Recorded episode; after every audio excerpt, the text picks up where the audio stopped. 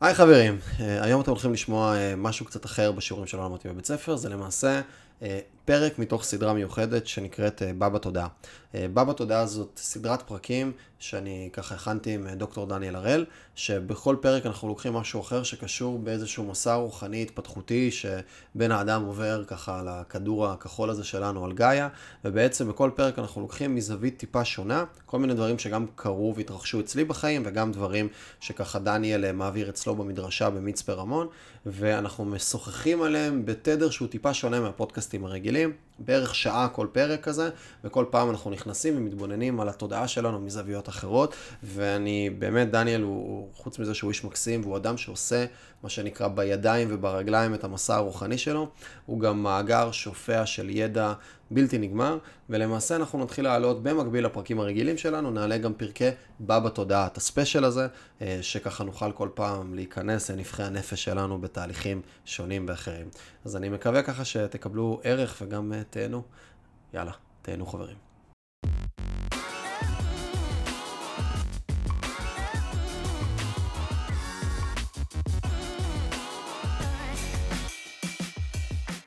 מה העניינים דניאל?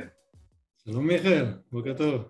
יאללה, נתניע, מה אנחנו מדברים היום? היום אנחנו עושים את הסשן הרביעי שלנו, ובדיוק קצת דיברנו לפני על כל מיני דברים שקורים בחיים, זה גם כיף רגע, הקו המקבילי הזה, אנחנו מדברים על כל מיני דברים ונושאים, ואחר כך זה פוגש אותנו בחיים, ולהכניס את זה לבפנים, והכל מראות, והכל אחד בתוך השני, וזה תמיד כיף, ותמיד מביאים את התדר ואת התודעה, שתמיד בתור ילד אני שומע את המשפט של ספר הוא כמו מראה, אתה, אתה רואה, אתה פוגש את עצמך מול הספר, ואני חושב שהשיחות שלנו הן גם כמו מראה.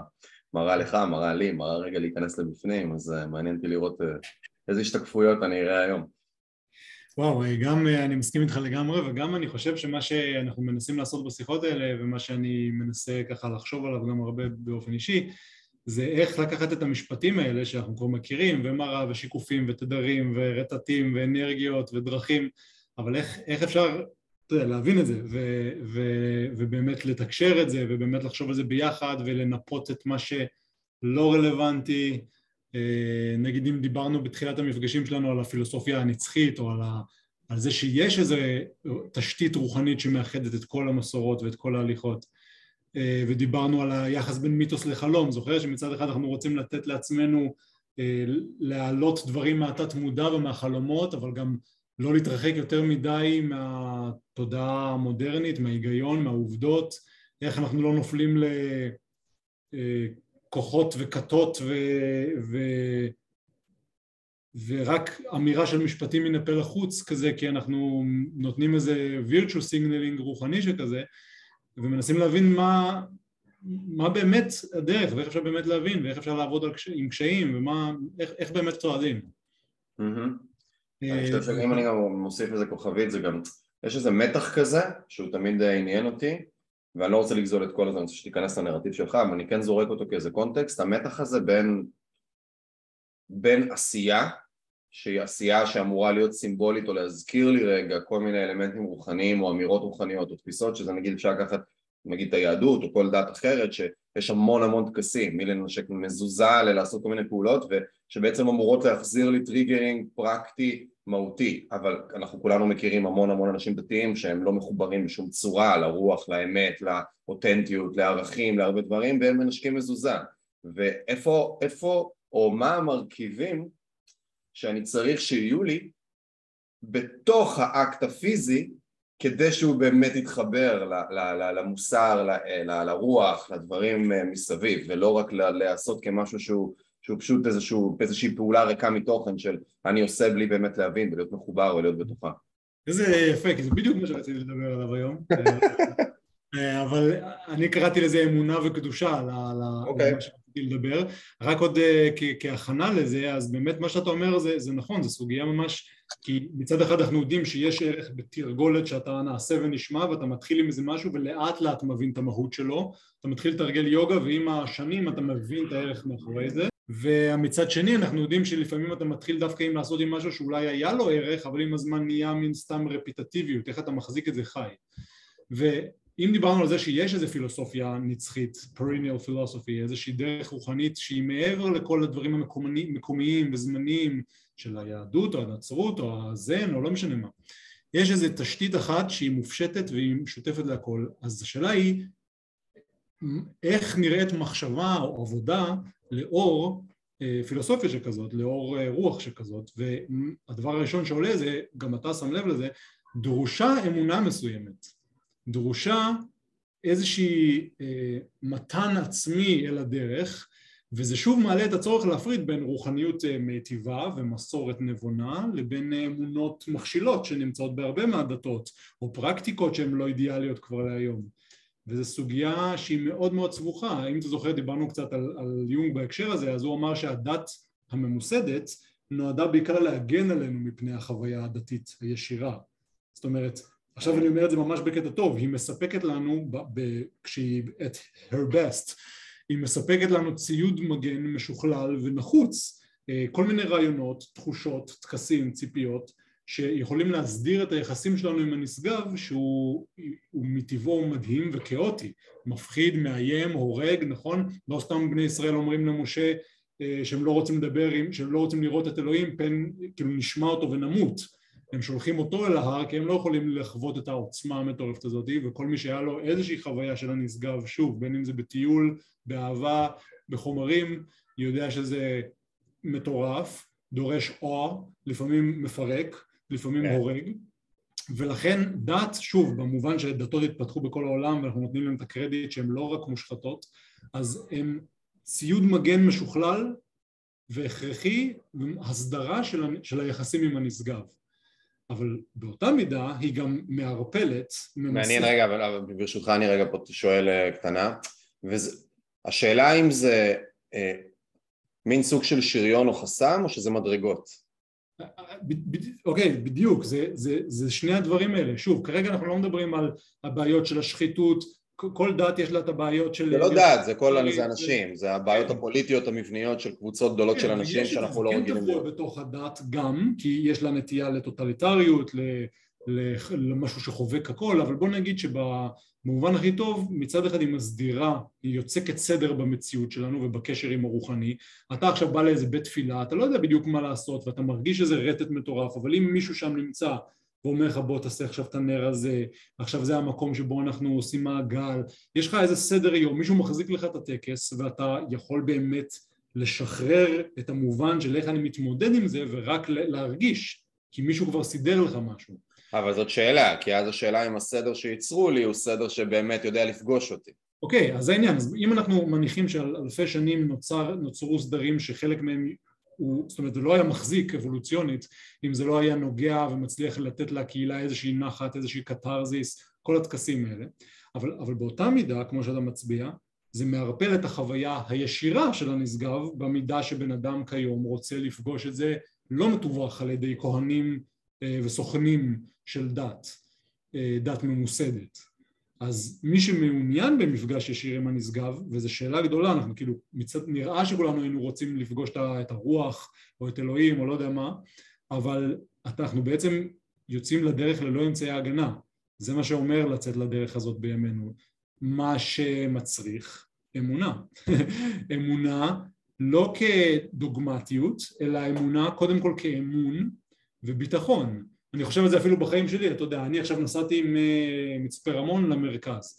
זה שאני נכנס לאוטו זה act of faith, אני מאמין שיהיה בסדר, אני מאמין שאני לא אמות בדרך, שמישהו מחכה לי, שיש לי איזה הקלטה ולעשות בעוד כמה שעות, יש לי אמון בעתיד חסר ודאות, אבל אני יוצא לדרך בהנחה או בתקווה שיהיה בסדר, נכון? המחשבה הזאת של להיכנס לאוטו, או כל פעולה אחרת לצורך העניין, היא, היא act of faith, אבל אני מדבר על אמונה קודם כל באמת כ- כאמון וכביטחון, אמון באחרים, כי זה המפתח לחמלה ולאדיבות וליכולת לצעוד פה ביחד עם האנשים אני בחברה, אז אם אני לא מאמין באחרים אני כל הזמן בחשש שמא מישהו יעשה לי משהו, יהיה לי קשה לצעוד ברחוב, וביטחון ביציבות הרוחנית של היקום, כי אם אנחנו לא מניחים שיש איזו תשתית שחובקת את כל החוויות, ואנחנו נגיע לזה אני מקווה גם היום, אז, אז אני לא, בחיים אני לא יכול להתקדם צעד בדרך ולהתקרב לאיזושהי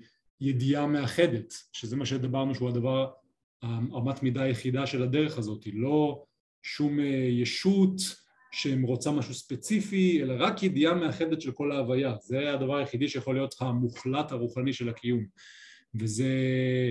אז שוב, אנחנו נעים בזה שהשאלה של, שלי מבחינתי היום זה איך אנחנו מטפחים ומפתחים אמונה נכונה בדברים נכונים. מה זה נכון? בדיוק, כן, ואיך אנחנו יודעים אה, מה אנחנו, במה אפשר כאילו להאמין, לקפוץ מתוך עצמנו, ואנחנו לא רוצים לתת סמכות עכשיו לאיזה רבי, כהן, אימאם, שייח' וכולי, שהוא לא קשורים אלינו ולדרך שלנו, ואולי יפגעו בנו. מצד שני, כל מי שאי פעם לווה על ידי מדריך, מורה, אה, חונך רוחני, יודע שאתה חייב לתת אמון בגורו, במלווה, כדי שתוכל לצאת מעצמך. כן, זה, זה המקום הזה של... וזה, לי נגיד, כשזה פוגש אותי בשיח שלנו על מראות, זה המקום הזה שזה נורא... ה surrender הזה, או ההתמסרות הזאת של אני כרגע מוריד, זה, זה בדיוק ה leap of faith, כן? המקום הזה של רגע אני מוריד, לא מוריד, אלא, אלא מבין שיש חששות ואתגרים, ואף על פי כן, למרות זאת, אני מייצר איזושהי התמסרות יותר גדולה לדרך, פלוס לבן אדם, למורה. בבודהיזם, אם אני לא טועה, זה שלושה דברים, נכון? זה הדרך, המורה, ויש עוד איזה, המקום הזה של... אני מוצא... איך?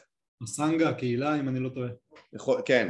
אז, אז בדיוק המקום הזה של רגע, וזאת שאלה, כי אני נגיד לא בן אדם שמסוגל לבוא ולקחת איזה, למרות שכן יש לי אזורים בחיים שאני בתוך הדבר הזה, שאני באיזו התמסרות טיפה יותר מלאה, אבל זה אירוע שהוא, כי, כי, אתה, כי, אתה, כי זאת בקשה מעצמי לקחת שלם מסוים ולהתמסר אליו, כי זה לא חתיכות, כי זה לא עכשיו לקחת רק אלמנטים, זה לא להיות, יש משפט של ג'ים רון שאני אוהב, ש- don't be, don't be a follower, be a student, וזה משהו שנגיד אותי מלווה המון זמן, המון זמן, המקום הזה של אני לא בא לאף אחד ואני לא עושה לי רב, אני בא ומסתכל על מישהו ובוחן ואני חושב שהוא יכול להיות אדם נפלא ולקבל ממנו אלמנטים מסוימים, דברים מסוימים, נדבכים ולהעשיר אספקטים מסוימים אבל יכול להיות שהבן אדם הזה הוא, הוא, הוא איש הוא יודע, יש לו קונקטיביות רוחנית מדהימה והוא ידע לעזור לי ולכוון אותי ולהכווין אותי במדרגות הרוחניות ובקילוף העצמי ובהכל.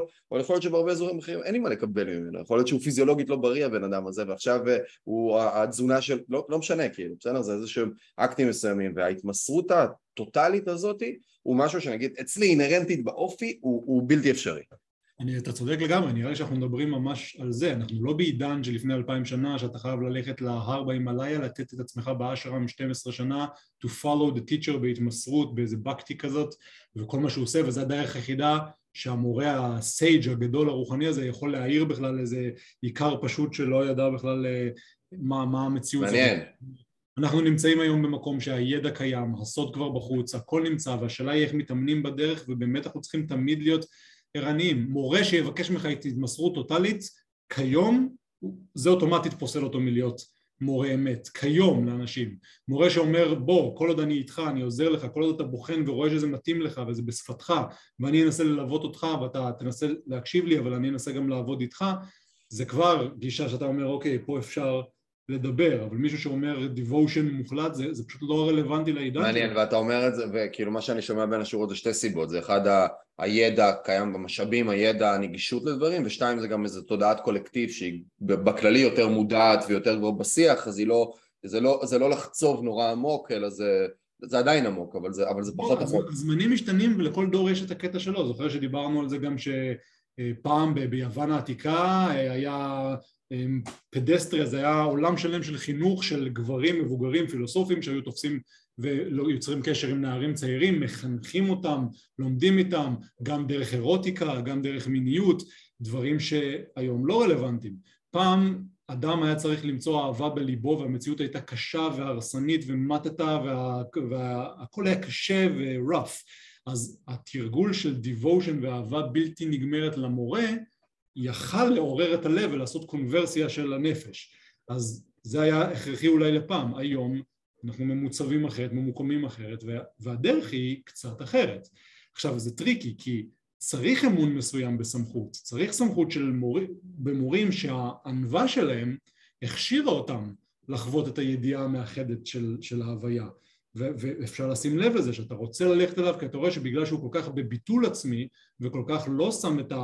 אפשר לראות את זה אפילו, אני תמיד רואה את זה באתרים של אנשים, אני נכנס ל... לא משנה אם יש להם בית ספר או דרך, ואתה רואה אם הם שמים אותם במרכז, או את הדבר שהם רוצים להביא, והם נמצאים שם.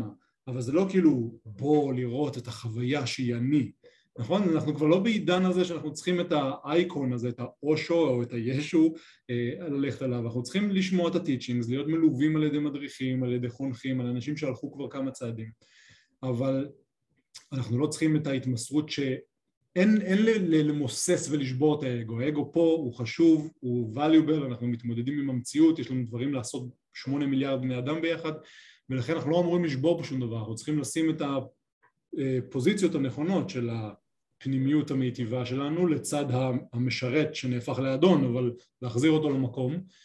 ואנחנו גם כן חייבים לפתח איזה אמון בטענות מסוימות אודות המציאות שאנחנו כן יכולים לוודא אם נתמיד בהכשרה.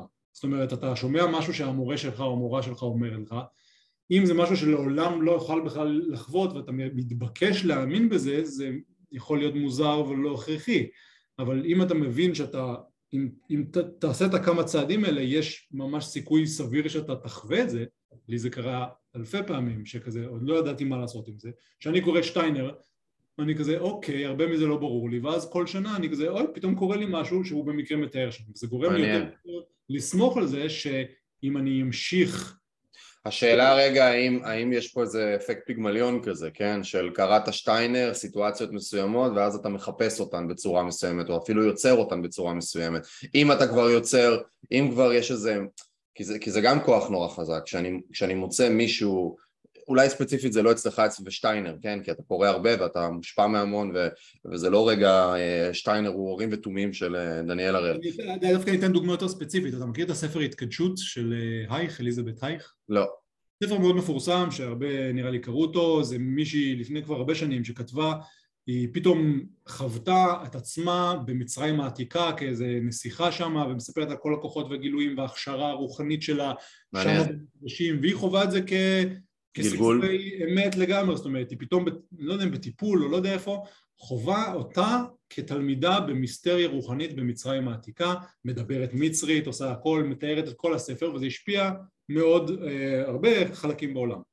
אני קראתי וכמות הדברים ה-out there שאתה לא מדמיין אפילו היא, היא אינסופית, אבל אני זוכר שקראתי איפשהו בעמוד 50 או 100 שהיא מספרת שם שהיא עצמה עיניים, ישבה במיטה ופתאום היא רואה, אפילו שהעיניים שלה עצומות, היא רואה את החדר, היא רואה דברים שקיימים בחדר, לא איזה משהו מיסטי מטורף, היא פשוט רואה אפילו שהיא עוצמת עיניים. עכשיו, לי זה קרה מאז שאני קטן עשרות פעמים. וואלה. אף פעם לא ידעתי מה זה, אף פעם לא ידעתי בהקשר, אף פעם לא הייתי בתשומת לב לזה, זה כאילו לפעמים אני לא הבנתי, אני חולם, אני לא, אני רואה את החדר, אני בעיניים עצומות, זו תופעה קטנה שקרתה לי מדי פעם. עכשיו, כשקראתי את זה, אמרתי, היי, אוקיי, לא יודע עוד מה עם כל הדברים שלה, אני אפילו לא זוכר את כל המידע, אבל הדברים שהיא מספרת שם הם, הם, הם wild beyond imagination. מעניין מאוד. זה קרה לי, אז אני לא פוסל את כל מה שהיא אומרת, ואני אומר נחכה, אני לא זוכר, אני לא מצפה למה שכתוב שם, אבל אני אומר יכול להיות שחלק ממה שהיא אומרת, כאילו, שהדברים שהיא אומרת הם, הם תופעות שעוד יקרו. וזה גרם לי להיות יותר כזה, אוקיי, נראה, כאילו, יש, יש משהו, יש דברים בגו. וזה לא, שאני מקבל, זה לא שאני מקבל את כל הטכניקות והאמירות, אבל אני נשארתי פתוח לאפשרות. סופר מעניין. סופר מעניין. המקום הזה גם של רגע, שוב, אתה, אתה אומר את זה ועולה לי כאילו איזה visual, סתם, זה שלי, כן, אבל עולה איזה visual כזה של, של איזה נטוורק כזה של דברים שפתאום אתה, אתה נוירון אחד אתה רואה שהוא אמת, אתה, אתה יודע להזדהות איתו, ואז פתאום נחש, אתה נחשף לכל שאר הדברים כי אתה אומר, רגע, יש פה שכבה שלמה של משהו שקרה, שלא ידעתי לאכול אותו כשלם, הוא נראה הזיה, אבל יש פה נקודה ספציפית שיש בה הצטלבות רגע של אני יודע להבין מה קרה שם כי גם אני חוויתי, או לא להבין, אבל אני יודע להזדהות כי גם אני חוויתי את זה, ואז אתה אומר, רגע, יש פה קטע, ו... וזה, וזאת נקודה מעניינת, כי זה בדיוק המקום הזה של אני נגיד כבן אדם, בגלל המבנה האישיותי שלי בתור ילד שגדל כמישהו שיכול לסמוך רק על עצמו, וזה משרת אותי נורא היום באופי שלי, כן? כי בניתי לעצמי את השריון הזה של אני לא סומך על אף אחד, אני סומך על אנשים, אבל כאילו, אני בסוף, אם צריך שמשהו יתבצע, אני לא מחכה שהיקום יביא את זה, אני הולך לעשות, אני פועל. אז נוצרה אצלי איזושהי הוויה נורא כזאת של, של מישהו שיוצר לעצמו את המציאות ולא מחכה. ולכן נורא קשה לי לסמוך ולהתמסר במאה לדברים. אני לא מסוגל, כי אני כאילו במרכאות חבול מכל הילדות והמציאות של הבנתי, כאילו, התשובות בחוץ, מאנשים, מזה, מהובלה, תן לי, אני אברור, אני אבין. ואז כל מיני סיפורים כאלה, בכל העולם הרוחני, זה למה העולם הרוחני, ובכלל ההסתכלות המיסטית וההתחברות פנימית, זה היה נראה לי כמשהו שהוא, שהוא הוא סגור, אצ... הוא בינארי אצלי היה. הוא היה אחד או אפס, והוא היה על אפס תקופה מאוד ארוכה. והייתי צריך את, ה, את, ה, את הסינק הזה, האחד הזה, את, את הסיטואציה האחת שתייצר לי סדק ראשון בתוך הקליפה, ודרך הסדק הנורא קטן הזה של, הוא לא היה נורא קטן, כן, אבל סדק פעם אחת, הוא אפשר בעצם למין סוג של כל כולי להתחיל להיכנס ולהגיד, רגע, כל כך עולם שלם שהיה אצלי סגור באפס, הוא היה בינארי, פתאום נהיה אופציה, פתאום נהיה זווית של, וזה, לי, לי זה פתח אושר בעין אדיר סביבי, כי נגיד היית אומר לי את המשפט עכשיו שאמרת, שהיא ראתה ואתה אולי ראית, אז האינסטינקט הראשוני שלי היה בדרך כלל להגיד כאילו בסדר, אז היה לו איזה רגע שהוא אולי קצת נרדם וקצת נכנס לו וקצת לא הבין ואולי הוא זכר את החדר וקצת התבלבל לו או התבלגן. עכשיו שאתה אומר את זה אני פתאום במקום של וואלה, תשמע קטע מעניין כאילו אתה זרקת לי את זה, אני, אני אחפש את זה בעוד מקומות. אני, אה, אה, כשיהיה לי שיחות עם אנשים שאני יודע שהם connected כזה מדבר איתם רגע על האם הייתה להם איזושהי חוויה דומה. ופתאום זה להצליב רגע איזושהי זווית אחרת שזה בעצם להכניס לרמת האפשר בתוך התודעה הפנימית שלנו. אני חושב שלכל אחד מאיתנו יש רמה כזאת של מה יכול לקרות או מה אנחנו, מה אנחנו, מה אנחנו מאפשרים לקרות ולראות בעצם סביבנו והרבה דברים אצלנו קבועים על אפס. הם כאילו, אני יכול לראות את זה מול העיניים שלי פה, זה יהיה לי מול העיניים ואני לא אשים לב לזה בכלל כי זה קבוי אצלי האופציה בכלל לראות את זה ואני הייתי שם ממש וזה, זה, זה כאילו איזושהי, אני חושב שאפילו זו מטרת חיים מסוימת, לחפש את האזורים האלה שאני יכול לסדוק את עצמי דרכם רגע, כדי להיפתח לדברים הלאה. ועכשיו הסכנה שרובצת לפתחך, ותכלס לפתח כולנו, זה שנגיד נסדק איזה, איזה, איזה סדק ויש אפשרות, אז זה איך אתה לא הולך כולך, משנה את חייך, נותן את קולך לאיזו התמסרות מוזרה כזאת ש-out of character אלא משאיר את האני המודע היציב ואומר אוקיי עכשיו אני מבין שיותר דברים אפשריים בעולם. אם עד עכשיו חשבתי שזה הדרך זה כאילו פתאום הלכת באיזה שביל בוואדי וחשבת שזה העולם שלך. ויום אחד עלית להר ופתאום ראית את כל המכתש. וואו עד עכשיו חייתי בוואדי קטן תראה מה, מה, מה יש פה. עכשיו זה לא אומר שאתה יודע עוד את זה. אתה עדיין צריך ללכת להכיר את השבילים לרדת לחזור לבדוק מה נכון איפה אפשר לחיות. וזה היופי שלא נשבר, אבל כן נהיה פתוחים לאפשרויות. ובהקשר הזה גם כשדיברנו שטיינר, הוא אומר, זה בדיוק הקטע הקונפליקטואלי פה, שהראיות וההוכחות של הדרך הרוחנית לא ניתנות מראש למחפשים. אין שום אותות מקדימים שמבשרים... ממש מעניין, ממש מעניין. של הפילוסופיה הנצחית. ממש וה... מעניין. כל האותות האלה והסימנים האלה מגיעים באופן אה, ישיר, חווייתי, רק למי שצועד בדרך ולכל אחד בזמנו ולפי כוחו. אז אז. במילים אחרות הדרך אה, מתגלה רק מתוך החיפוש וזה משאיר אותנו עם המשימה הכי קשה אולי שזה להמשיך לפעול בכוונה למה אבל רגע, למה הדרך מתגלה רק מתוך החיפוש? כאילו עולה לי קונטקסט לזה אבל כאילו בא לי רגע לראות את החוויה שלך למה לא יכול להיות עכשיו מצב של לא יודע מה, בית ספר אה, ש, שבא ומכשיר את כולם למסע הרוחני בצורה בלתי כזאת, למה זה צריך לצאת ממני? זה, זה פשוט לא עובד ככה, וזה לא... זה בדיוק ההבדל בין דת חיצונית, ששוב, יש לה הכרח להמונים, לא במובן רע, להמונים שצריך עכשיו לארגן אוכלוסייה, אז אומרים להם זה הטקס, זה מה שעושים, צריך לארגן את הדבר הזה והזה, והם עושים. אבל ככל שאדם בתוך משפחתו ובתוך עצמו מעמיק את, את הדרך שלו, הוא מבין שזה תמיד בחיבור עם הרובד הלא מודע, עם רובד המשמעות של הקיום, עם הרובד שהוא הפנימי, החיצוני, אבל מה שעוד לא מוסדר וקיים, ולכן אנחנו חייבים לצאת אל הלא מודע, וזה, זה, אין לזה תשתית, אין לזה גשר, אנחנו יוצרים את הדרך by walking it, ו, והמשימה הקשה היא איך לפעול בכוונה טהורה, בלי ציפייה לפירות הדרך, זו משימה באמת קשה, אני אומר את זה מניסיון אישי. עוד פעם, עוד פעם, תחזור על המשפט. איך אתה פועל בכוונה טהורה, בביטול או בזניחה של העצמי החזק מדי, בלי ציפייה לפירות של הדרך. הדרך מתגלה מתוך ההליכה בה, וככל שאני מניח מראש, אה, אם אני אהיה עכשיו אחד שעושה מדיטציה ומתרגל ונהיה נחמד כך וכך, סביר להניח שיקרו לי דברים טובים בחיים והדרך שלי תהיה יותר קלה, אז לא, זה לא עובד ככה, זה אני אומר מעובדה של התנסות של החיים, לא בגלל ש... שאני רוצה את זה, זה אי אפשר להסביר לאף אחד את ההוכחות של הדרך הרוחנית אם הייתי אומר לך תקשיב יש יותר ממדים במציאות ויכול להיות שאתה תראה דברים שאתה פתאום מתקשר או מרגיש משהו עם מישהו אחר ו...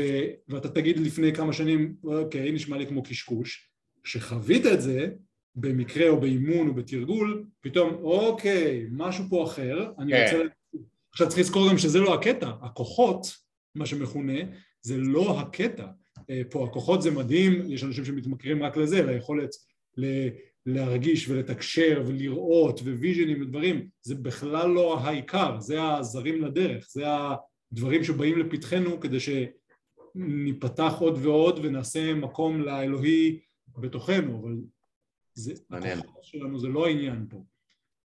הדרך, דרך הרוח היא מבקשת שנפתח את העיניים ונפתח את הלב עד שניווכח באלוהות או בדאו או בהוויה כמו המשפט הזה, קדושים תהיו כי קדוש אני. זה נמצא בתנ"ך וכשאנחנו מבינים את זה בהקשר שאנחנו מדברים זה אנחנו זה, הוא, הוא האלוהות, הדבר, היא, לא משנה, נהיית קדושה כשאנחנו נהיים קדושים. הקדוש ברוך הוא, הקדוש הוא מי שמברכים על בואו בכל עת ובכל זמן, נכון? מי שתמיד שמחים שהוא מגיע ותמיד מוסיף חיים למקום שהוא נמצא. ו, ובאמת הכתבים האלה של קודש וחול הם כאילו זה נשמע כמו מאבק בין אמיתי ולא אמיתי נכון זה, זה בין קיים ושקרי ובגלל זה מי שרואה את עצמו כאדם רוחני למה שקרי? שקרי זה החול כאילו? זה, ככה זה מתואר בכל ה... בשבטים נכון מה שהקדוש זה כאילו מה שעם חיות ווילנס והאדם שרוצה להיות אדם רוחני הוא רוצה להתקיים להשתתף במציאות להיות פרטיסיפנט בבריאה זה לא להשיג כוחות ולהיות מעל מישהו אחר. יכול להיות שמישהו נמצא בפוזיציה של מדריך ומלווה, או מרפא, מרפאת, או אמן, אבל צריך לזכור שאנחנו משחקים תפקיד בצורה קונבנציונלית, יש לי תפקיד של אבא, בעל, מורה, מאגר, לא יודע, יש לי כל מיני תפקידים, וכל התפקידים האלה אני עושה בצורה חברתית. אני קונבנציונלי, התפקידים האלה. מיתולוגית אני כל הדברים האלה, אבל באמת אני אף אחד לא מהדברים האלה. אני שום דבר באמת, אני משתמש בכוחות ובפרסונות ובתפקידים שלי בשביל אה, לפנות את עצמי לאט לאט. ואולי אם אני לפחות את החלק הזה רוצה לאסוף לנו, אני חושב שאם אנחנו בני אדם שמבקשים את אלוהים, ושוב נזכיר לאורך כל הסדרה הזאת שאני אומר אלוהים זה לא האלוהים כן, היושב במרומים על הכיסא כן, שאולי לא רוצים את הדמות שלו, אנחנו מדברים על ההוויה, הטבע, הדאו, הרוח הגדולה אה, וכל אחד מהשמות האלה, אין סוף. מי שמבקש את האלוהים במובן הזה, הוא מבקש, הוא רוצה לחפש את זה לא כאובייקט של האגו, לא כחוויה אקסטטית, oh my god, oh אני פגשתי את אלוהים ולי הייתה חוויה כזאתי וראיתי כאלה אורות גדולים, או איזשהו הישג, יש כזה ספר בודהיסטי מאוד מפורסם שקוראים לו spiritual materialism, מטריאליזם רוחני, הרבה פעמים אנחנו בדרך הרוחנית נופלים ל... עשיתי כבר כך וכך ריטריטים, אני נמצא כבר בדרגה 17 פה ושם, אני כבר אה, חוויתי כאלה ודברים, ואז אתה נהיה פשוט צובר הישגים רוחניים. כן. כמובן לא הדרך. שזה חלק, מה, חלק, חלק מהעניין כאן זה המקום הזה של, זה כמו, לא יודע, כמו חול, שאם אתה מנסה לאחוז בו נורא חזק הוא מתחיל לנזול לך בין האצבעות, אתה צריך לתת לו לנוח, אתה צריך לפגוש אותו זה בדיוק, זה מדהים מה שאתה אומר, כי זה בדיוק מה שהמשפט שרציתי להגיד זה שאפילו לא צריך להעדיף קודש על חול. זה, זה לא צריך לתפוס אחד מהצדדים האלה. קודש על חול, מצחיק. המטרה הראשונית שלנו היא אמת. let it be. סופים מדברים, הכינוי שלהם לאלוהים זה אלחק, כאילו האמת. וההכרה מלאה, האמת היא תמיד של עצמנו, הכרה מלאה של עצמנו והתמסרות לחיזור הזה בין הרוח וחומר, בין יצירה וכיליון, כאילו האדם האלוהי ישו, או כדוגמה, או כל אחד אחר, אנחנו מבקשים להשתתף בבריאה, להיות חלק, להיות ערוץ שדרכו ההתרחשות הזאת של הכיליון ויצירה קורים, והשתתפות כזאת היא קדושה והיא ראויה לאמונה, אה, זה הדרך שאנחנו יכולים ללכת בה. כן. אתה חושב שיש משמעות, לה, כאילו אמרת את זה קצת במילים אחרות אז אני מעלה את זה עוד פעם גם, משמעות לאינטנשן הראשוני שאני יוצא ממנו? נראה לי שרק, כאילו מה עוד יש לנו חוץ מזה? כי כאילו, אני, אני מסתכל רגע, וגם זה איזושהי הסתכלות רב-ממדית שאני מתחיל לחוות אותה יותר ויותר, שזה גם לא, זה לא איזה one way כזה, של אה, יש את הנרטיב הארכיטיפי הזה של, ה, אה, של הנער התם שיוצא למסע הרוחני ועובר בפנים כל מיני זה, ו, ומגיע עם הכוונה, ו... לפעמים אני יכול להיות מישהו שאין לו שום כוונה אה, לא יודע מה, טהורה, בוא נגדיר טהורה גם, זה גם מורכב, כן? אבל אין לי איזה כוונה טהורה ובסוף קורית לי איזושהי חוויה ספציפית נורא חזקה שסדקה לי את התודעה, לא משנה אם זה חומרים או אקט מסוים או, או מפגש כזה או אחר ואז זה פותח אותי בכלל, שיכול להיות שהדרך הראשונית שיצאתי אליה לא הייתה עם כוונה טהורה, אבל היה פתאום איזשהו משהו ש... כי, כי פריזמת ההסתכלות שלי לא אפשרה בכלל להגיע למצב שאני יוצא לאיזשהו מסע טהור בגלל שאני עם כל כך הרבה התניות של החברה והדברים שעברתי והילד הפנימי שלי שחווה כל הילדות משהו מסוים ואין לי בכלל יכולת לשים את המשקף הזה של הסתכלות טהורה לגבי דברים אלא מבחינתי זה תועלתני פר אקסלנס ואיזה חיפוש אגואיסטי נרקסיסטי לבוא ולהביא את עצמי לאיזה גילוי רוחני כזה או אחר או, או לגלות ולמפות את העולם. ושאני... סליחה, סליחה, תמשיך. ופתאום איזו חוויה אחת שכאילו יכולה לבוא ו... היא מציגה לי את המציאות אחרת פעם ראשונה, אבל היא כל כך עוצמתית שהיא מראה לי כמה אולי עיוור הייתי לצורך העניין ואיזה, איזה, מאיזה מקום הגעתי. יש, יש, אני, אני מקווה שזה נוגע למה שאתה אומר, אבל נראה לי, גם שטיינר שוב מדבר על זה שיש תש, יש דרך רוחנית שכאילו אנחנו עוברים באופן טבעי, ושוב האדם שנפ... רגע שבו הוא יכול לבחור האם כאילו ללכת לדרך כזאת של התפתחות ושחרור מה, מהמבנים הפרסונליים שלנו. יש משהו טבעי שקורה בגילאים, בזמנים, לפי הכשרות מסוימות. כן, 28. אבל יש גם, אה, יש גם אה, אה, יציאה למסע שהיא בעקבות טראומה. יש אנשים שבעקבות רגעים מסוימים שהם קשים בביוגרפיה שלהם, הוקפצו שבע, עשר, שלושים שנה קדימה מבחינת למה הם פתוחים כרגע. Mm-hmm. זה יכול להיות שהישות הזאת עכשיו היא פחות תמימה כי קרה לה, אני אומר, איזה ילד או ילדה שקרה להם איזה התעללות מינית בגיל חמש וכל העולם של תמימות ואיך הם הולכים ומה הם יודעים מה קורה בעולם הזה וחוויית הניתוק מהגוף וקרה להם כל מיני דברים כן. הם נמצאים עכשיו בהתמודד עם זה, זה, לא, זה, לא, זה לא הכי טוב שיש כי הם, הם אמנם רואים שנים קדימה אבל לא בטוח שהכלי שלהם מספיק חזק לעמוד אז יש להם הרבה עבודת ריפוי ולימוד איך לעשות את הדרך ו, אה, ולנסות את מה שהם רואים ושוב יש לזה גם סיבות ביוגרפיות לא אומר שסיבות כאילו מגיע להם אבל יש ביוגרפיה שאיכשהו קרתה וצריכים להבין אותה והם נפתחו לאפשרויות נפשיות ורוחניות גדולות ועכשיו הם צריכים לה, לה, להמשיך לטפח את הכלי שלהם שיוכל לעמוד בזה בלי להתפרק, שיוכל לפגוש שוב בני אדם באמון וביטחון אה, אבל הם כן, הם כאילו קפצו כיתה אה, שלא ברצונם או באשמתם mm-hmm. וזה באמת אנחנו כל הזמן מנסים כאילו כל אחד בביוגרפיה שלו קרה לו דברים אחרים, אחד הלך מזה מאוד הדרגתי, יש אנשים שטוב להם רק ללמוד מסודר לפי ספרים ומורים, יש אנשים שרוצים לחוות, להסתובב בהודו, לעשן כל הזמן, להיות בדברים והם חווים את זה ב... ויסרל. זה חשוב, זה חשוב ופה בא לי לתת איזושהי כוכבית שוב מהחוויה שלי האישית הפרטית של מיכאל וחוויה של כל מיני פריזמות וחוויה של כל מיני אנשים שאני מכיר ממעגלים ראשונים ומשיחות יש הרבה פורטלים יש הרבה פורטלים שונים וחלק מהתהליך, וזה, וזה גם משהו שיכול נורא לתסכל כי יש הרבה פורטלים שעשויים לא להתאים. אני יודע נגיד להגיד על עצמי שאם הייתי נכנס ל... המון דברים היה לי מאוד קשה. בסדר, אם אתה מכניס אותי עכשיו לאיזה מדיטציות אושו לפני כמה שנים, לא הייתי יודע להתחבר לזה. אתה מכניס אותי לאזורים של תנועה, לאזורים של... היה לי מאוד מאוד מאתגר, אני הייתי צריך לחוות איזו חוויה אחת נורא משמעותית כדי בכלל לתת לגיטימציה לתת ולידיות, אפילו לא לגיטימציה, כן? זה ולידיות מבחינתי לפורטלים אחרים שהיו סגורים לי לחלוטין, בסדר? מכל מיני אלמנטים, שוב, מרמת, אני בכוונה לוקח דברים שגם יכול להיות שיכולים, לי הם היו מציקים, הייתי שומע את זה כמאזין, מרמת קלפי טארות, בסדר? או כל מיני דברים שהם מרגישים, עד היום אני, אני עוד לא, אני מרגיש שנפתח לי איזה צוהר ולא יצא לי להתעסק או להתעמק בקלפי טהרות ולהבין אותם יותר לעומק ולפגוש אנשים שאני מעריך וסומך עליהם אז אין לי דעה או, או אג'נדה מגובשת אבל אם היית לוקח אותי עכשיו אה, אה, קח אותי שנה אחורה הייתי אומר לך אחי זה לופטינשך זה שטויות בפיתה זה אנשים כאילו ש, ש, שמתעסקים בזה. אז היום אני אין לי, אין לי דעה לגבי זה אבל הייתי סגור בפורטלים האלה לחלוטין. קח מישהו אחר עם, חו... עם, עם הוויה אנושית אחרת, עם center רוחני אחר, עם, עם גישה, עם חוויות אחרות חיים שהוא חווה, עם מבנה אישיות אחר, זה פורטל נהדר יכול להיות עבורו.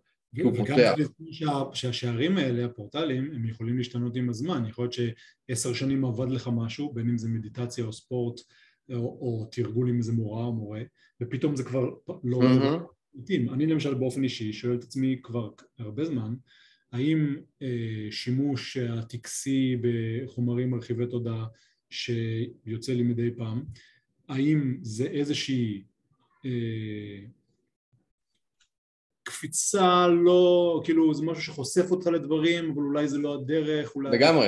מהצד, או, ואני באמת מרגיש את הנפש שלי מתבוננת בזה כל הזמן, שזה תומך ומראה ומזכיר ומחבר, וכמו שאתה שותה תה עם מרווק שכואבת לך הגרון, ותה כזה כשאתה קצת מרגיש בבטן, אז יש עוד תה שעוזר לך להיזכר מדי פעם בכיוון ומה שאתה עושה, ואני ממש שואל את עצמי הרבה פעמים, אה, ואני תמיד ניגש לדבר הזה ביראת קודש ו... ממש, ממש, ממש, ממש, אנשים משתמשים בזה כמו, הולכים למסיבות טבע ו- ולוקחים פטריות, כן. כאילו, הזיה. ו- וגם מתוך הסטינג שמתייחס לזה בשיא הקדושה והטקסיות וההליך ולקחת את הזמן וההכנה הנדרשים והכל, עדיין השאלה האם זה קפיצות שאולי היו לי טובות בשנים מסוימות ועכשיו הן כבר לא הכרחיות, או שזה תמיכה כי אני כבר יודע את המחירים של זה ואת הדברים שמסביב לזה, ואני שואל את עצמי את זה כל הזמן, אז כל פעם שאני, שזה עולה בי כשאלה אני כזה בוחן האם זה הדרך, האם זה הדרך, ואני באופן כללי כן חושב שגם ב setting הכי טוב שלהם הם, זה לא היה הדרך, הם תזכורות והם עזרה והם. תמיכה והם באות להראות, אבל הדרך היא יומיומית, סיזיפית, לפגוש את אשתך, לראות את הבן שלך, לשבת עם ההורים שלך, אה, לעשות את העבודה שלך ביומיום, זה תמיד יהיה שמה בסופו של דבר. אה, כן, העבודה היא בין לבין, העבודה היא לא בסיטואציה עצמה.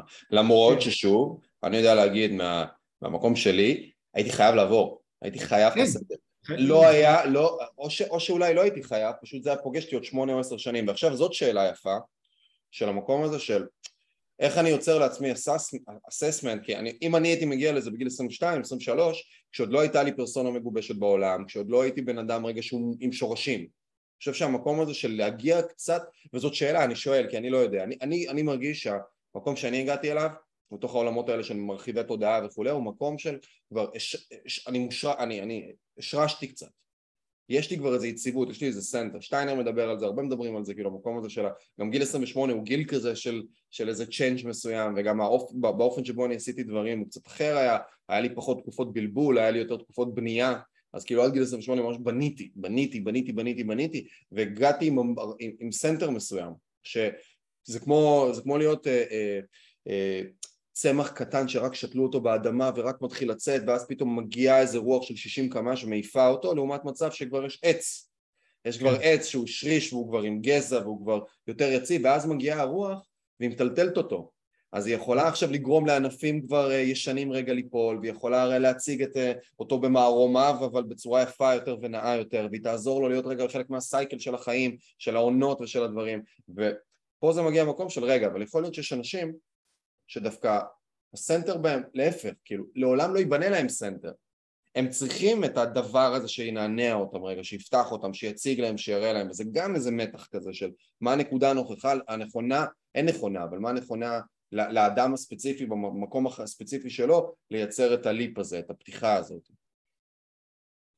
זה, זה באמת השאלה, זה, זה בדיוק מחזיר אותנו ללמה למה זה לא ידוע מראש ולמה גם אם יש מיסטריות ומסורות וגם גם אני עומד בראש מדרשה שמנסה לצעוד ביחד עם אנשים בהלך רוח ולעשות את, ה, את הלימוד הזה אבל אנחנו תמיד זוכרים שאנחנו לא באמת יודעים מה הבן אדם הזה עובר ומה הוא צריך לעשות פה. אנחנו כן יכולים לחקור הרבה הרבה מסורות ומורים ולהיות בתק, בקשב רב לדעת שיש איזושהי תשתית שכבר אפשר לדבר עליה כמו שיש ידע רפואי, אפילו שאנחנו לא יודעים את כל הסיבות, ויכול להיות שעוד מאה שנה בן אדם היום בן, שהיום בן 80 הוא זקן, יוכל עוד מאה שנה בן 80 לרוץ מרתון. ועדיין אפילו שהבריאות יכולה להשתנות, הגדרת הבריאות, ברור לנו שיש הבדל בין בן אדם מקיא עם חום לבן אדם בריא ושלב. אז יש דברים שאנחנו יודעים ויש דברים שאנחנו לא יודעים.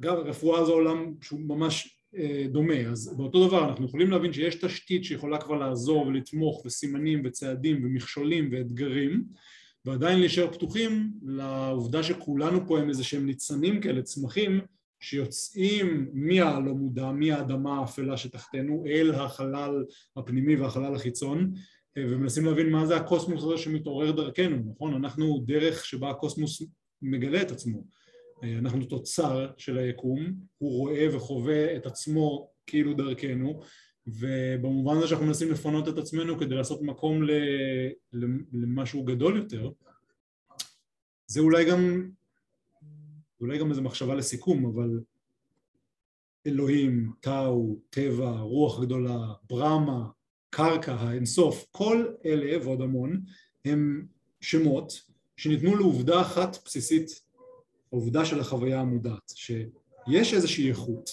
שאפשר תמיד להיזכר בה כדי למסגר חוויות ולראות אותן כחלק ממכלול גדול יותר. זה אולי הנקודה הכי בסיסית שאני יכול להגיד. תסביר רגע. אני אגיד. אמ, תחשוב על המובן שנייה הכי בסיסי שאתה יכול לחשוב על אלוהים, לפני שאני נותן לו תוכן, מה זה אלוהים בשבילך או מה זה הטאו בשבילך ומה נכון ומה לא. קודם כל, העובדה הכי בסיסית שאני יכול להגיד זה שאלוהים, לצורך העניין, זה איכות שאתה יכול להיזכר בה בכל רגע כדי למסגר את החוויה שלך מחדש ולראות אותה כחלק ממכלול גדול יותר. למשל, אני יכול להיות מאושר עד הגג כי זכיתי בלוטו, או בסבל בלתי יתואר בגלל מצב רפואי. בשני המקרים האלה, אלוהים זה כמו איזו מקפצה מנטלית שמאפשרת לי לחוות את היחסי והרגעי ביחס למוחלט, לחשוב על ההקשר של המשמעות או השיעור או הארעיות או ההשתנות של הרגע. אתה יכול להיות כל כך absorbed בעובדה שעכשיו אתה בכאב או שזכית בלוטו, אבל אם אתה אומר רגע רגע רגע יש לי מילה, יש לי צ'יט, יש לי כזה משהו שאני יכול להגיד תזכור את החוויה הזאתי בהקשר של המוחלט, בהקשר שזה גם זה ישתנה, גם זה יחלוף, גם זה רגעי, מה אני אמור ללמוד פה, מה אני אמור לעשות עם זה, באיזה קונטקסט להבין את החוויה הזאתי הקשה או הטובה, אז כאילו אלוהים זה כמו mental trick, ושוב זה ברמה הכי מינימלית לפני שהטענו באיזה איזה תוכן או דרישה מסוימת. זה, זה, זה מאפשר לך לראות כל חוויה, תחשוב שאתה ב... כאילו המילה אלוהים זה אומר וואי עכשיו הכי נורא בעולם אבל רגע מה הקטע של החוויה הזאתי? זה כאילו עצם זה שאתה זוכר את המילה הזאתי או שוב אתה או הרוח הגדולה אנחנו לא אומרים את זה בשום קטע דתי כרגע. הוא, הוא מאפשר לך לצאת מהחוויה בשביל לתת לה הקשר וזה לראות אותה ביחס למוחלט.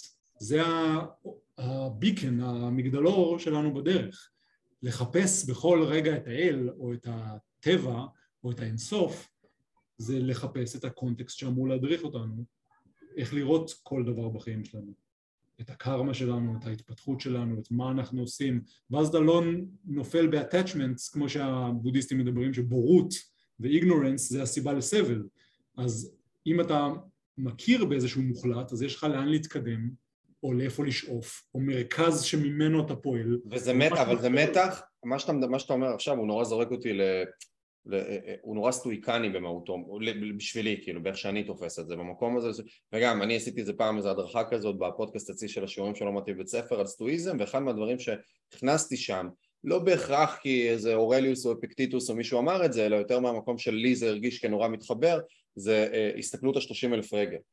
שבעצם כשקורות סיטואציות בתוך החיים שלנו הרבה פעמים אנחנו בזום אין כל כך גדול שזה נראה לנו כל עולמנו זה בעצם תופס לנו את כל השדה ראייה, את כל השדה מחשבה, את כל העולם וכשאני עכשיו לוקח ואני מייצר את הזום אאוט רגע ואני יוצא לרזולוציה שהיא הרבה יותר נמוכה וגבוהה מלמעלה בסדר? אני נמצא, אני נמצא בשלושים אלף רגע מסתכל על זה אז זה גם יש אם אני לא טועה לאפיקורוס משפט של, אה, של הסתכלות משפט שמדבר רגע על, על אה, אה, ארווין יהלום הזכיר את זה בספר שלו להביט בשמש, הוא לקח את זה הרבה כביטוי, את המקום הזה של אנחנו נמצאים כרעיון פילוסופי להתמודדות עם המוות, שבסוף יש איזה, איזה ליין כזה שנקרא קיום ואנחנו איזה זרזיף נורא נורא נורא קטן, נקודתי בתוך הדבר, ואנחנו חלק ממשהו כל כך הרבה יותר גדול, שהסיטואציה הספציפית שאנחנו נמצאים בתוכה, שיכול להיות שאולי היא לא נעימה או לא טובה או מובילה אותנו לרגע איזה סבל נקודתי, היא בסופו של דבר לא כזו משמעותית ביחס לפרספקטיבה המלאה של החיים שלנו ובטח לא כזאת משמעותית ביחס לפרספקטיבה של הקולקטיב האנושי כולו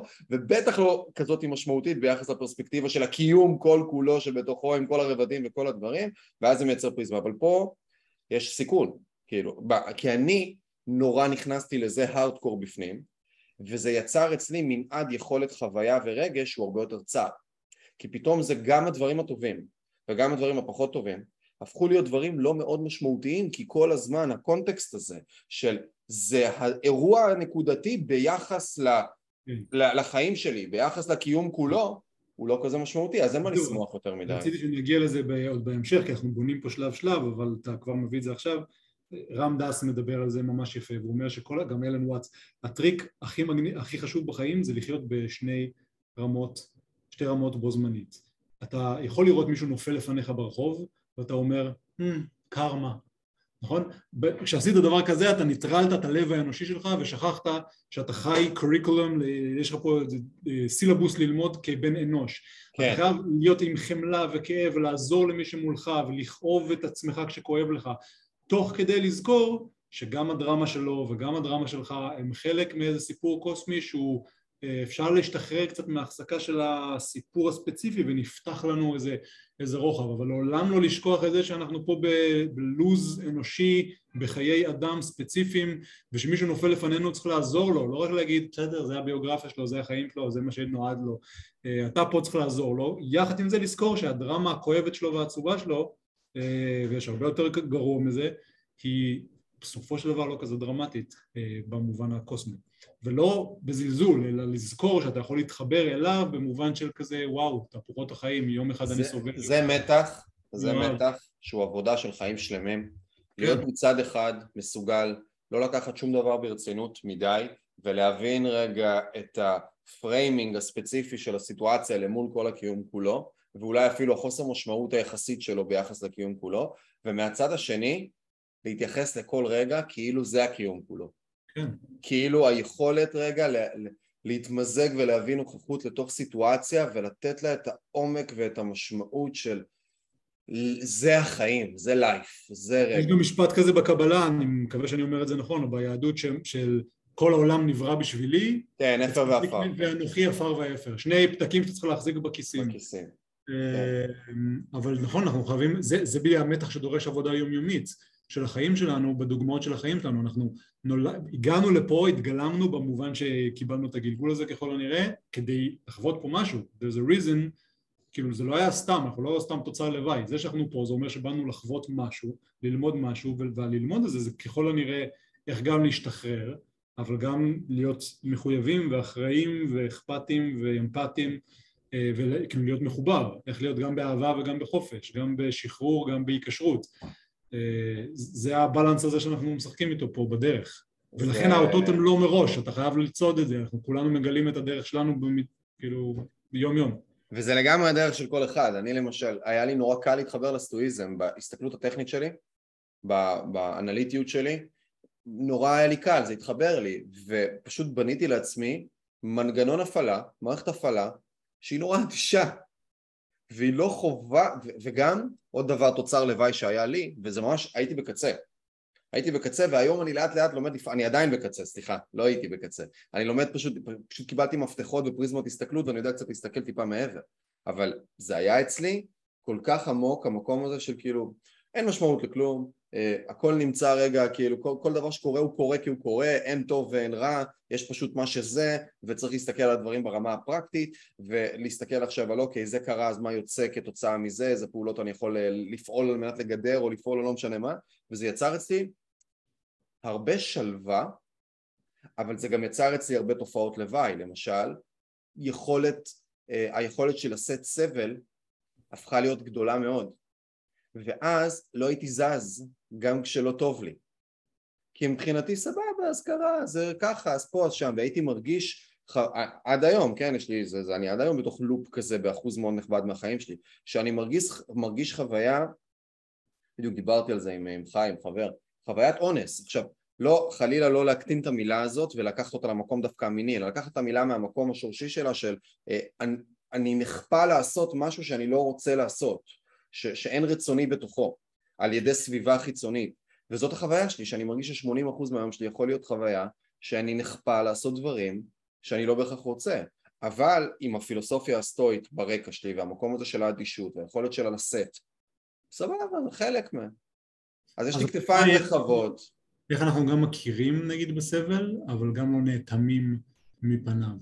ו, ומהצד השני איך אנחנו גם מכירים באהבה וביופי וכל הדברים האלה, אבל לא מחפשים רק נגיד את זה, זאת אומרת, זה כל הזמן להישאר פתוח, אבל בלי לי, אבל, אבל, אבל עדיין להיות מדויק, אבל להיות מדויק זה לא רק אני ואני ואני, זה כשאני מדייק את הדרך שלי זה אני מפנה את עצמי ועושה מקום למה שצריך לבוא אה, מתוכי, אז זה הבלנס. שאנחנו פה עם חיי אנוש, אבל שמתבקשים, שאנחנו מחפשים את הקיום הנצחי, הקדוש, האמיתי, אנחנו רוצים להשתתף ולהרגיש שהמציאות הזאת היא אנחנו, אה, זה טריקי.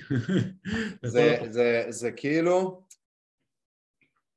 זה, איך שאני, עזוב, לא, זה לא באתי להגיד זה החיים, כאילו זה לא החיים, יש הרבה דברים, אבל כאילו כרגע בשיחה בינינו ובחוויה האנושית שלי בתקופה האחרונה, זה נדבך כל כך משמעותי בתוך החיים, לזהות מתחים ולראות איפה אני ביחס למתח הזה, וגם הרבה, ובשלבים הראשונים שלי תמיד חיפשתי את התשובה הנכונה שכאילו היא תימצא באחד מהקצוות עבורי, ובסוף זה אף פעם לא ככה, זה בסוף תמיד היכולת ללכת עם ולהיות בלי, היכולת להיות פה וגם שם, היכולת כשאני נוכח כאן לזכור ששם קיים כדי לדעת שזה זה, וזה כל הזמן לחיות בתוך המתח הזה ושמה, ו- ובעצם זה למה, שוב, אין מים רדודים, אנחנו חוזרים לאותו מקום של כל הזמן יש עומק ועוד שכבה ו, ומישהי שאני מאוד מעריך היא, היא אחד מהדברים שהיא כל הזמן אומרת זה שכשאתה חושב שאתה 98% סגרת את הדברים, בסדר? אז השני אחוז הנוספים, הפרקטל שנשאר לך כביכול, בתוכו יש לך 98 אחוז נוספים, כאילו, זה עולם שלם, זה כל אחד כזה, זה פריסות של זום אין וזום אין וזום אין, והיכולת להבין רגע, אתה כתבת ספר על זה, כן? על אהבה ופחד וכל העולם, המתחים, להבין איפה אני ו- וזה לא איפה אני אפילו, זה איפה אני כרגע בתוך המתח הזה. ולמול כן. מתחים אחרים איפה אני כרגע בתוך המתח הזה. וזה, ו- וזה להרחיב את הפרספקטיבה כל הזמן ולהרגיש איך אני נמצא גם כאן וגם כאן ואני הייתי חייב, לא יודע אם חייב, אבל זו דרך שכרגע אני מסתכל עליה ברטרו ופרספקטיבה ואני אומר, זה, הייתי צריך ללכת לקיצון הזה. של היכולת לסבול, של להיות בזה, של, של לפתח את זה, ועכשיו אני אומר, וואו, איזה חוויית חיים השארתי על השולחן, של הלכאוב, ושל הלבכות, ושל הלאהוב באמת, ושל להיות נוכח באמת, ואני לא רוצה לוותר על כל הכלים האלה. זה גם מאוד, אה, מאוד אה, בסיסי של הדרך, הוא שאנחנו נעים כמו מטוטלת, בהתחלה מקיצון לקיצון, זה כמו בהתחלה אתה יוצא למסיבות עם חברים, הולך וואי לא טוב לך, ואז אתה אולי הולך לבד להיות בבית, ואז כזה אוקיי גם זה לא בדיוק, ואז אתה הולכים מקיצון לקיצון לקיצון לקיצון, בתקווה שהמנעד, האמפליטודה של המטוטלת הופכת להיות קטנה יותר, אפשר לראות את זה הפוך, בתקווה שהגלים שאתה צולח בחיים כשאתה צעיר אתה בהתחלה מאוד מתרגש, מאוד עצוב, נפרדו ממך, אהבות, עניינים, אתה, אה, ואז אתה מאוד שמח, מאוד עצוב, לאט לאט אתה אומר אוקיי זה כיף, טוב שזה קרה, או hmm, קצת מבאס, אתה בתקווה שאתה עדיין מרגיש, אבל העוצמה של הרגשות היא פחות מטלטלת, או שהסירה שלך מספיק יציבה כדי לחוות כן, אבל זה מה שאנחנו רוצים. הסנטר שלך גדל. אנחנו, לא רוצים, אנחנו לא רוצים אולי מצד שני כאילו מטוטלת שהיא לא, לא מאוזנת לשני הצדדים? אני שואל אם זה אפשרי בכלל. אני שנייה רק אדייק את זה. זה לא שאתה חווה פחות, אבל תחשוב שיש נגיד ממש כזה, איך קוראים לזה, הציר אה, XY כזה, ויש כזה גל, אוקיי? מה שאתה רוצה זה לא שגל יהיה קטן יותר או גדול יותר, אתה רוצה שהסנטר שלך יגדל, וככה אתה יכול להכיל ביותר יכולת, שלווה, אפשרות, את הגלים שהחיים מביאים לך ואז גם אם אתה מתמודד עם ניתוחים וקושי פיזי, גם אם אתה מתמודד עם זכייה ואהבה, אתה נהנה, כואב, אבל אתה פחות מוטל מצד לצד למאניה ו... למאניה דיפרסיה, נכון? אתה פחות אומר כזה, oh my god, oh קרה לי את הדבר הזה, החיים שלי בזבל, או איזה יופי, אני ככה והתעוררתי ואיזה... אתה לוקח את זה ואת זה כצדדים של מטוטלת, ואתה, הסנטר שלך גדל. היכולת שלך לעמוד בחוויות היא, זה לא אומר שאתה לא שמח או לא עצוב, אתה פשוט עומד בהם יותר בשוויון נפש בסיסי שנותן לך ליהנות במידה הנכונה, להיות עצוב במידה הנכונה, בלי לשכוח את הסנטר, שהוא מה שאמור להכווין אותנו. ועל זה אנחנו מדברים כל הסדרה הזאת. פה אני רגע רוצה כן לשים איזה כוכבית מה, מההסתכלות שלי. אם אנחנו כבר באנלוגיה של אורחי גל האלה, ו... בוא נגיד אם אני המטוטלת המנעד שלו הוא, הוא X, הוא רחב לצורך העניין, בסדר? ולאט לאט אני מוצא את הסנטר שלי יותר ואני יודע יותר מה שנקרא לא להיות בקצוות של הדברים אלא להיות יותר באיזשהו מקום אבל אני חושב שאיזשהו באיזשהו מקום אנחנו לא רוצים לאבד את הפוטנציאל של כן להגיע לקצוות האלה בהינתן ויש משהו שהוא, שהוא מאפשר את זה ובהינתן ואנחנו בחוויית חיים שאנחנו כן עדיין רוצים אותה. זה לא לייצר את ה center היותר אדיש באמצע, שאמפליטודה... לא להתבלבל, center זה לא אדישות, זה אומר שאתה, יש לך את ה-infatuations, את היכולת שלך לראות עכשיו גירויים, לראות אוכל, סקס, אה, רעיונות, טלוויזיה, לא משנה מה, וללכת אחריהם, או ללכת אחריהם מתוך זה שאתה פועל מפה, אתה יודע שעכשיו אתה הולך כי ראית את האוכל הזה, או שאתה עכשיו הולך הרחק מזה כי אתה לא רוצה להיות במפגש הזה, אבל אתה פועל מהרובד של הסנטר שיכול להכיל שמחה גדולה וריקוד אקסטטי, או עצב ואבל כבד, אבל אתה פועל לא מהרמה של, ה, של הפרסונה שנופלת והולכת לאיבוד בתוך הדברים האלה, אלא זוכר, זוכר את הדבר שחווה את כל הדברים האלה, זוכר את העדות הממורכזת שיכולה לנוע וככה שיום אחד אתה כואב לך, יום אחד טוב לך, אז מה זה אומר? שיש משהו מתחת לזה שחווה את שני הדברים האלה. אז זה לא אומר שאל תחווה אותם בהתרגשות עזה או באבל גדול, אבל תזכור מי החווה, ותזכור מאיפה אתה חווה, וזה לא, וזו אמירה שלא תמיד אנחנו שמה, זה להכיר במרכז הזה, זה אומר או שאני פועל משם או שאני תמיד שואף לשם, אבל יש לי כאילו, יש לי דרך, יש לי מקום שאומר אני מבקש מבקש להיות תמיד ברמה, בדאו, באדמה שמצמיחה את כל הצמחים השונים. יכול להיות עץ, יכול להיות שיח, יכול להיות פרח, אבל אתה אם אתה מזדהה עם הפרח שיום אחד מת, אתה שוכח שהפרח הזה מת ונובל וחוזר כל ה nutrition שלו לאדמה ומשם עולה פתאום עץ דקל חדש. וגם הוא מת ואז עולה תולעת חדשה ש... וכולי וכולי. אז אנחנו נראה לי מבקשים להזדהות או להכיר באדמה שאנחנו נובעים ממנה לזכור אותה ולא רק להיבהל מזה שעכשיו הלך החוויה הזאת, עכשיו אני כבר הזדקנתי, אני כבר לא יכול לרוץ כמו פעם, אנחנו לזכור שאנחנו השתנות של הקרקע הזאת, קרקע הוויה, ground of being, הפילוסופיה הנצחית, זה מה שאנחנו מדברים עליו. אז אנחנו תמיד להחזיר את עצמנו או לקרקע הזאת, או למצפן, למגדלור העתידי הזה, סנדר מקדימה או סנדר מאחורה, אבל שממנו אנחנו נובעים ואליו אנחנו שווים. אה, וככה כל החוויות מקבלות הקשר, הן לא מתבטלות, הן רק מקבלות קונטקסט יותר נכון. אם אתה תחשוב שאתה המלך כי קרה לך עכשיו, כי מישהו נותן לך מחמאה או אהבו אותך או קיבלת עבודה ואתה עכשיו יכול להתייחס אחרת לאנשים או לזכור מי אתה ומה אתה עושה ומה המשימה פה באמת ושזה לא רק אה, רוח או רק חומר או רק כסף או רק אה, חברים, זה יותר גדול מזה. אז אם אתה שוכח את זה אז אתה הולך לאיבוד ונופל ל spiritual materialism, לכל ההישגים הרוחניים או הכלכליים או החומריים, אבל שאתה זוכר כל הזמן מאיפה אתה נובע ולאן אתה הולך, גם אם זה לא מתומלל, קשה לנו לגעת, אבל לפחות לזכור שיש center כזה, כל חוויה, זכית בלוטו, קיבלת קידום, יש לך אהבה או שעזבו אותך, הן כואבות ויפות, אבל על קרקע. ועל הקרקע הזאת זה ה... אנחנו רוצים להתמקם ב... בידיעה מאחדת שלה. זה נראה לי הסיכום להיום, זה ה... הלזכור שהפילוסופיה הזאת, הרוח הנצחית, דרך הרוח, מבקשת שנדע ידיעה מאחדת של כל ההוויה, באנד, בסוף, לא עכשיו, וכל העולם, שנגיע לזה כולנו ביחד, וכל הגלגולים, אני לא יודע איך זה יעבוד. עד שלא נגיע לשם זה לא ייגמר, נמשיך להתגלגל פה. ואנחנו חי... שום דבר פחות מזה לא יספיק, לא אלוהות קטנה שרוצה ממך שתהרוג את האיש הזה או שתבנה רק את הדבר הזה ואל תכניס אנשים אחרים לשם ולא משהו שדואג רק לאגו שלך, להישגים שלך, עד שלא נדע בצורה מאחדת את כל ההוויה יחד עם כל היצורים המודעים, אז נראה לי שהמשחק הזה לא ייגמר. איך, איך זה נראה, מה זה, ממש אני לא יודע, איך מגיעים לשם, כולנו מתאמנים, כולנו מחפשים, אבל, אבל, אבל לזכור שזה הדרך. מה המילה שאתה יוצא איתה מהמפגש הזה? מילה או משפט? לזכור. לזכור, להזכיר לעצמנו, זה הסנגה והמורה, זה התפקיד האמיתי שלהם, להזכיר לך מה אתה עושה פה, לא לתת לך תשובות מוכנות ו, ולא לגרום לך לשכוח וללכת לאיבוד, to remember כל הזמן.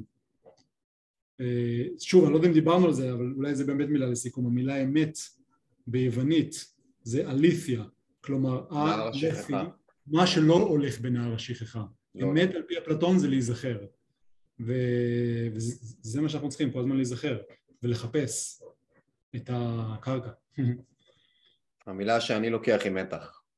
מתח. היא- עם, זה המקום הזה של בדיוק גם שלשום הייתה לי איזו חוויה שעברתי איזה משהו ונפגשתי עם איזה מישהו והוא, ואז שאלתי אותו שאלות, אה, שאלות ספציפיות, והוא לא נתן לי שום תשובה ספציפית מתוך החוויה שלו, אלא הוא נתן לי כל מיני עוגנים חיצוניים כדי שאני אבנה לעצמי את הסיפור שלי. ושם נגיד חוויתי את המתח בין לקבל תשובה לבין לקבל הקשר כדי שאני אמצא את התשובה. וזה בדיוק המקומות האלה, וזה מתחבר נורא למה שאמרת עכשיו עם המורה ועם הזה של זה לא...